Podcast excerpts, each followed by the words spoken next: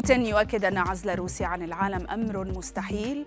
بيع مقتنيات نور الشريف على الأرصفة يثير جدلا في مصر. أنس جابر تعتذر بعد الضجة حول وقيعة المضرب. وإطلاق آيفون 14 يثير فضول الملايين حول العالم. أبرز أخبار الساعة الأربع والعشرين الماضية في دقيقتين على العربية بودكاست.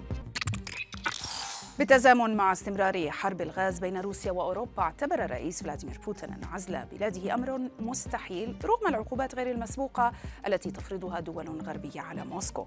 وخلال كلمة له في منتدى اقتصادي محلي قال زعيم الكرملين إنه بغض النظر عن مدى رغبة البعض في عزل روسيا فمن المستحيل تحقيق ذلك مضيفا أن حمى العقوبات في الغرب تهدد العالم بأسره فيما نفى بوتين أن تكون موسكو تستخدم الطاقة سلاحا ضد أوروبا بعد أيام من توقف شحنات الغاز الروسي عبر خط أنابيب نورد ستريم جدل كبير وضجة واسعة في مصر بعد تداول صور على مواقع التواصل تظهر بيع مقتنيات الفنان الراحل نور الشريف على الأرصفة وفي سوق الأنتيكات. المقتنيات تضم عشرات الألبومات والكتب التي تحمل اسم الشريف وبعضها يحمل توقيعه وكلمات بخط يده. الأمر الذي دفع ناشطين لتوجيه اتهامات بالتقصير لزوجته بوسي التي خرجت عن صمتها لاحقا مؤكدة لصحيفة الشرق الأوسط أن كل متعلقات الراحل ما زالت في بيته ولم يخرج منها شيء مشيرة إلى أن هناك من استولى على بعض المقتنيات كانت أخذت من مكتبه سابقاً. في إنجاز طبي قد يساعد الأسر الراغبة في الإنجاب مستقبلا نجح علماء في تخليق أجنة فئران من دون حيوانات منوية أو بويضات باستخدام الخلايا الجذعية. وفي دراسة حديثة نشرتها شبكة سي إن إن أوضح علماء في جامعة كامبريدج الأمريكية أن الخلايا الجذعية يمكن التلاعب بها لتتحول إلى خلايا ناضجة لها وظائفها الخاصة. مشيرين إلى أن نموذج جنين الفأر الخاص بهم يستطيع أن يكون دماغا وقلبا نابضا. وكل المكونات التي تدخل في تشكيل الجسم فيما يأمل العلماء بأن تمكنهم من هذه التقنية من صنع نماذج لمحاكاة حالات الحمل البشري الطبيعية التي تفشل العديد منها في المراحل المبكرة.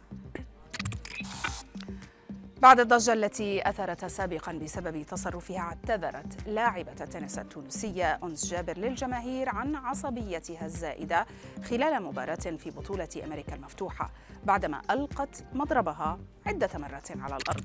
وسائل إعلام أشارت إلى أن أنس ارتكبت في مباراة صعبة أمام الأسترالية إلا تومليا نوفيتش ارتكبت أخطاء عدة كلفتها نقاطا سهلة فقدت اللاعبة الشهيرة على إثرها أعصابها وألقت جام غضبها على مضربها الذي ألقت به أرضا. ما أثار انزعاج الجماهير الحاضرة فيما أوضحت أنس أنه كان من الصعب السيطرة على مشاعر الإحباط على حد قولها. وفي خبرنا الأخير ينتظر الملايين من عشاق أبل إطلاق السلسلة الجديدة من هواتف آيفون 14 ومنتجات أخرى للشركة الأمريكية. وقبل ساعات قليلة من إطلاق السلسلة الجديدة ما زالت التسريبات تتوالى حول مواصفات الهاتف الجديد وشكله.